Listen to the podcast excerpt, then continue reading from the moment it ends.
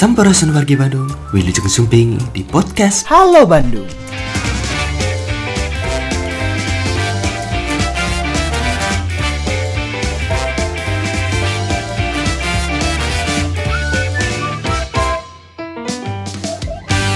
Pertama-tama mungkin kami sampaikan bahwa perlu diketahui memang dalam kondisi pandemi ini sudah hampir dua tahun ya stok darah di PMI itu baik dari donor biasa maupun plasma konvalesen memang tidak ada stok.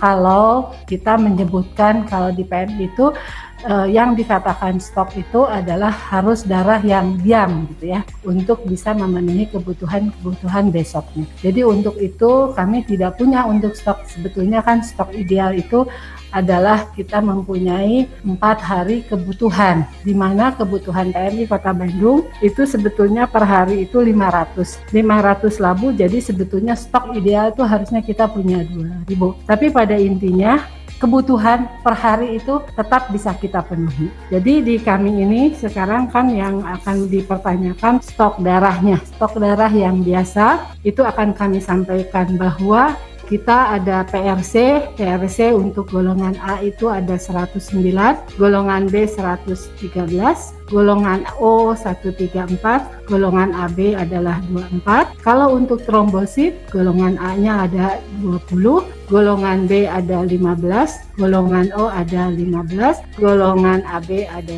2. Untuk FFP itu golongan A ada 21, golongan B ada 5, golongan O ada 15, golongan AB ada 5. Untuk AHF itu adalah golongan A 27, golongan B 51, golongan O 32, golongan AB 12. Untuk LP dan Bavikot itu tidak ada. Jumlah perolehan donor uh, per hari kita memang targetnya adalah melalui mobil unit. Tapi mobil unit harusnya kita bisa memenuhi 4 sampai 5 karena ada pembatasan PPKM ini jadi kegiatan itu tidak bisa berlangsung. Tapi intinya kita bisa memenuhi 300 sampai 450 per hari per labu dengan mensiasatinya adalah kita membuka di dua tempat layanan di PMI. Ada satu tempat layanan yang biasa ada satu tempat lagi di lantai dua itu adalah untuk uh, apa yang akan melakukan kegiatan mobil unit yang tidak bisa dilaksanakan di tempat. Nah, untuk itu kegiatan ini untuk perolehan dalam uh, kegiatan per hari itu kita bisa memperoleh kebutuhan darah itu 431 rabu dan jumlah total per hari itu bisa sampai 455 rabu, labu darah. Ini data yang kemarin ya, di mana golongan A 125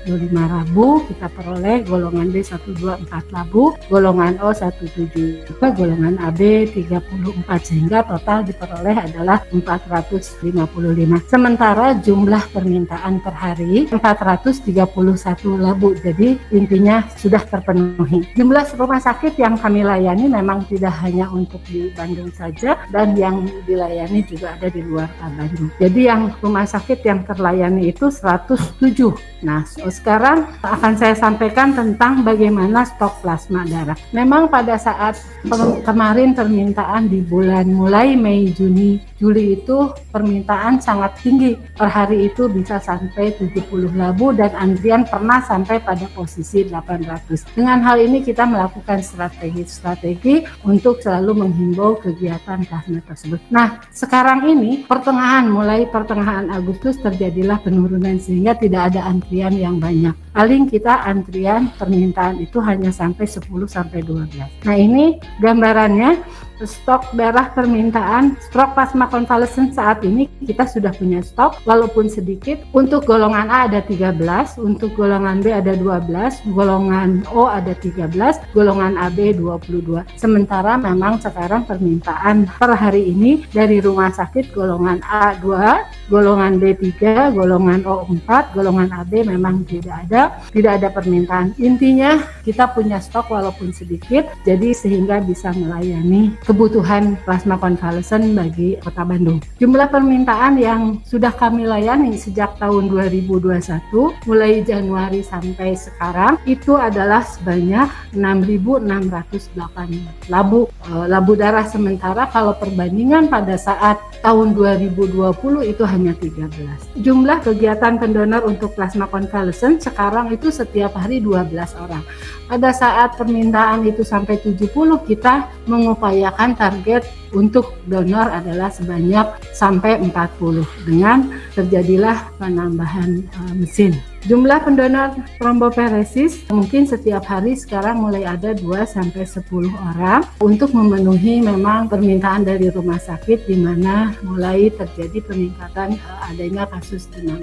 Mungkin itu untuk penyampaian stok Tingkat kebutuhan dan kesediaan plasma konvalesen ini memang tingkat kebutuhan permintaan rumah sakit sudah terjadi penurunan. Biasanya permintaan ini bisa sampai 70 menurun lagi menjadi sekarang yang titik terakhir itu adalah seperti yang tadi uh, saya sampaikan hanya ada 9 saat ini intinya kebutuhan permintaan plasma konvalesen itu sudah kita penuhi dan stok sudah ada dengan adanya juga kita sudah penjadwalan untuk pendonor plasma konvalesen. Data harian rata-rata yang mendonorkan plasma konvalesen di Kota Bandung adalah berkisar antara 10 sampai 12 orang. Untuk uh, kriteria mungkin ini yang sekarang memang dalam kondisi pandemi ini persyaratan-persyaratan untuk donor plasma konvalesen memang selalu ada terjadi perubahan dengan kajian-kajian. Di mana persyaratan untuk plasma konvalesen ini kami sampaikan bahwa satu harus diutamakan laki-laki. Jika perempuan harus yang belum pernah hamil. Usia kisaran antara 18 sampai 60 tahun. E, berat badan kita lihat di atas 55 kg kalau kita mengambil metodenya dengan aferesis. Pengambilan dengan mesin aferesis itu kita bisa ambil antara 400 cc sampai 600 cc sehingga kita bisa memperoleh 2 sampai 3 labu untuk plasma konvalesen ini. Donor yang keuntungannya juga untuk metode yang diambil dengan aferesis ini adalah donor bisa melakukan donor kembali setelah dua minggu. Namun ternyata banyak juga donor penyitas yang di bawah 55 kg karena sayang kalau kita tidak ambil maka membuatlah kita panduan sesuai dengan badan POM bahwa berat yang 47 kg sampai 55 kg dapat diambil dengan metode yang reguler. Di sini kita bisa memperoleh satu labu plasma konvalesen. Hanya memang kalau untuk yang donor dengan pengambilan secara konvensional e, bisa mendonorkan kembali adalah setelah dua bulan. Syarat lain adalah sehat dan dibuktikan harus ada hasil laboratorium bahwa intinya donor penyintas itu harus punya hasil positif bahwa dia mengidap COVID-19. Tanda-tanda vital dari pendonor penyintas itu nanti kita periksa tekanan darah di mana sistolik dan diastolik berkisar antara sistolik harus antara 90 sampai 160, diastoliknya 60 sampai 100 mm Hg. Nadi juga kita periksa berkisar harus dalam kondisi normal 50 sampai 100 kali per menit dan reguler. Suhu tubuh yang utama juga tidak boleh demam, jadi harus di bawah sampai 37 derajat Celcius. E, respirasi harus dalam batas normal riwayat terinfeksi COVID-19. Jadi harus ada bukti yang real time bahwa bisa dengan PCR positif atau sekarang memang ada panduan dari WHO bahwa rapid diagnostik tes antigen COVID-19 juga bisa dilampirkan. Dengan ketentuan khusus kalau kita mau menggunakan panduan yang memakai rapid diagnostik tes antigen ini, yaitu anamnesanya kita harus ketat di mana harus ada hasil tes labnya yang dari Kemenkes. Jadi lab yang yang sudah ditetapkan oleh Kemenkes. Yang kedua adalah calon donor juga harus membawa surat keterangan sembuh dari Vaskes Kesehatan. Yang berikutnya nanti akan dianalisa dengan lebih ketat di mana akan ditanyakan yang utama gejala utama harus ada yaitu demam disertai dua gejala lain yang cukup berat. Misalnya ada sesakah, ada gangguan penciuman atau ada batuk dan sebagainya. Ketentuan khusus lainnya juga dapat nanti menjadi pendonor 14 hari setelah sembuh. Jadi nanti di anamnesa dia harus ada bukti bahwa 14 hari setelah negatif dia tidak ada gejala. Dan panduan yang lalu itu memang bisa eh, tiga bulan. Waktu yang bisa diambil adalah dari dua minggu sampai 12 minggu. Tetapi ada panduan baru jikalau memang titer antibodinya tinggi bisa diambil sampai waktu jangka waktu 6 bulan. Syarat lainnya nanti kadar HB laki-laki harus antara 13 sampai 17 gram per desiliter, untuk perempuan antara 12 sampai 16 gram per desiliter. Nanti kita dilakukan juga pemeriksaan hematologi lengkap, di mana hematologi lengkap ini harus dalam batas normal. Kalau setelah tiga kali berturut-turut mendonorkan plasma konvalesen, nanti akan diperiksa konsentrasi protein darahnya di dalam tubuh dan albumin harus dalam kondisi normal. Setelah itu nanti akan dilakukan pemeriksaan uji saling di MLTD yaitu infeksi menular melalui transfusi darah terhadap sifilis, hepatitis B dan C serta HIV dengan metode KLIA yang harus dinyatakan menjadi non reaktif. Uji saring terhadap hepatitis B dan C serta HIV dengan metode NAT kita lakukan harus non reaktif. Kita lakukan juga screening golongan darah dan resus serta antibodi terhadap golongan darah.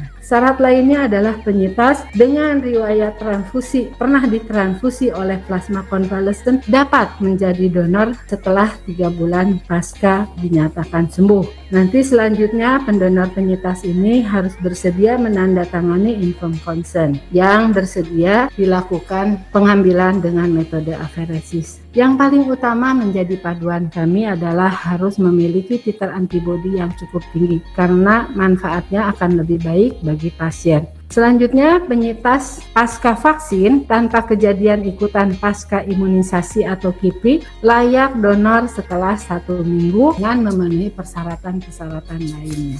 Mungkin ada yang ingin diketahui bahwa bagaimana sih prosedur untuk mendonorkan darah plasma konvalesen di PMI. Prosedurnya adalah paling utama adalah harus ada surat permintaan dari rumah sakit atau dokter yang merawat disampaikan ke PMI ke bagian pelayanan darah. Jikalau stoknya ada langsung kami berikan.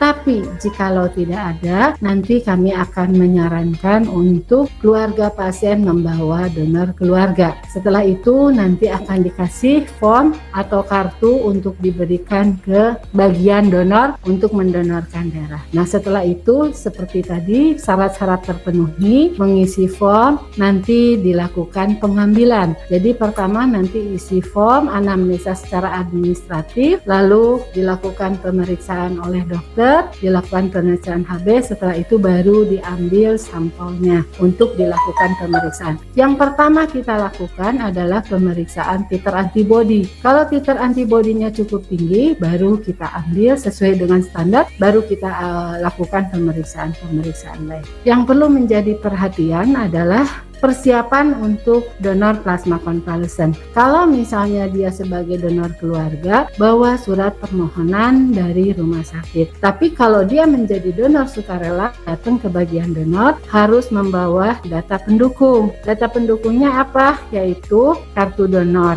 KTP atau SIM karena memang kita udah sistem informasi manajemen, data harus memakai bukti uh, otentiknya dengan adanya KTP dan SIM. Lalu juga harus ada bukti pemeriksaan pemeriksaan COVID-19. Yang paling utama harus ada bukti bahwa dia eh, terinfeksi COVID jadi dengan adanya bukti hasil yang positif. Bukti pemeriksaan PCR yang negatif baik PCR ataupun rapid yang negatif yang sudah dinyatakan sembuh. Mengisi form kesediaan untuk pengambilan plasma konvalesen. Lalu mengisi kuesioner untuk deteksi COVID. Perlu kami sampaikan kemarin ini karena permintaan yang cukup melonjak sehingga terjadi antrian mungkin banyak uh, yang tahu masyarakat Kota Bandung tahu bahwa kenapa kok terjadi antrian ya memang dikarenakan keterbatasan daripada alat juga alat dan SDM karena kita pada saat itu hanya mempunyai mesin 4. Alhamdulillah adanya bantuan sehingga ada penambahan mesin menjadi sekarang saat ini adalah ada 7 mesin aferesis sehingga akhirnya kita bisa memenuhi kebutuhan untuk bagaimana uh, peran serta untuk dengan ranting dalam memenuhi kebutuhan uh, stok darah di PRI ini adalah paling utama kita membuat konsolidasi dengan uh, ranting memang melakukan kegiatan untuk donor darah sukarela yang paling utama karena donor untuk plasma konvalesen harus dilakukan di PMI dan untuk masalah kontribusi ranting terhadap pendistribusian memang itu tidak ada karena panduan pendistribusian berdasarkan Permenkes itu harus antara kerjasama antara rumah sakit dengan PMI jadi tidak ada orang lain yang uh, selain dari instansi tersebut yang bisa membantu dalam pendistribusian karena memang harus ada pengawasan dan itu adalah sebuah ketetapan. Mungkin itu yang bisa kami sampaikan. Ada harapan memang yang ingin disampaikan yaitu pengharapannya adalah bahwa meski ketersediaan stok darah dan plasma konvalesen saat ini sangat tergantung pada para pendonor dan perbedaan antara jumlah suplai dan kebutuhan kebutuhan itu ada, jadi jumlah kebutuhan darah ini tidak pernah menurun karena kebutuhan selalu ada. Sehingga jumlah pendonor darah reguler dan yang rutin diharapkan makin bertambah agar stok eh, darah selalu terjaga.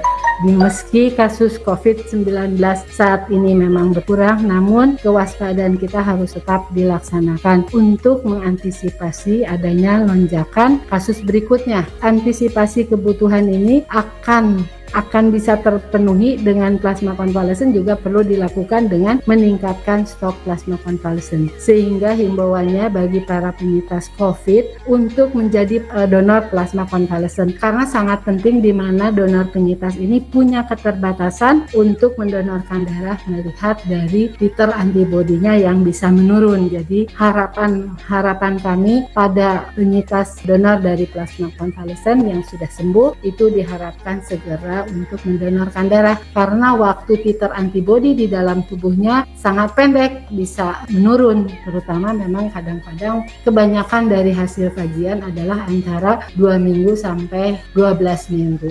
Mungkin itu yang bisa kami sampaikan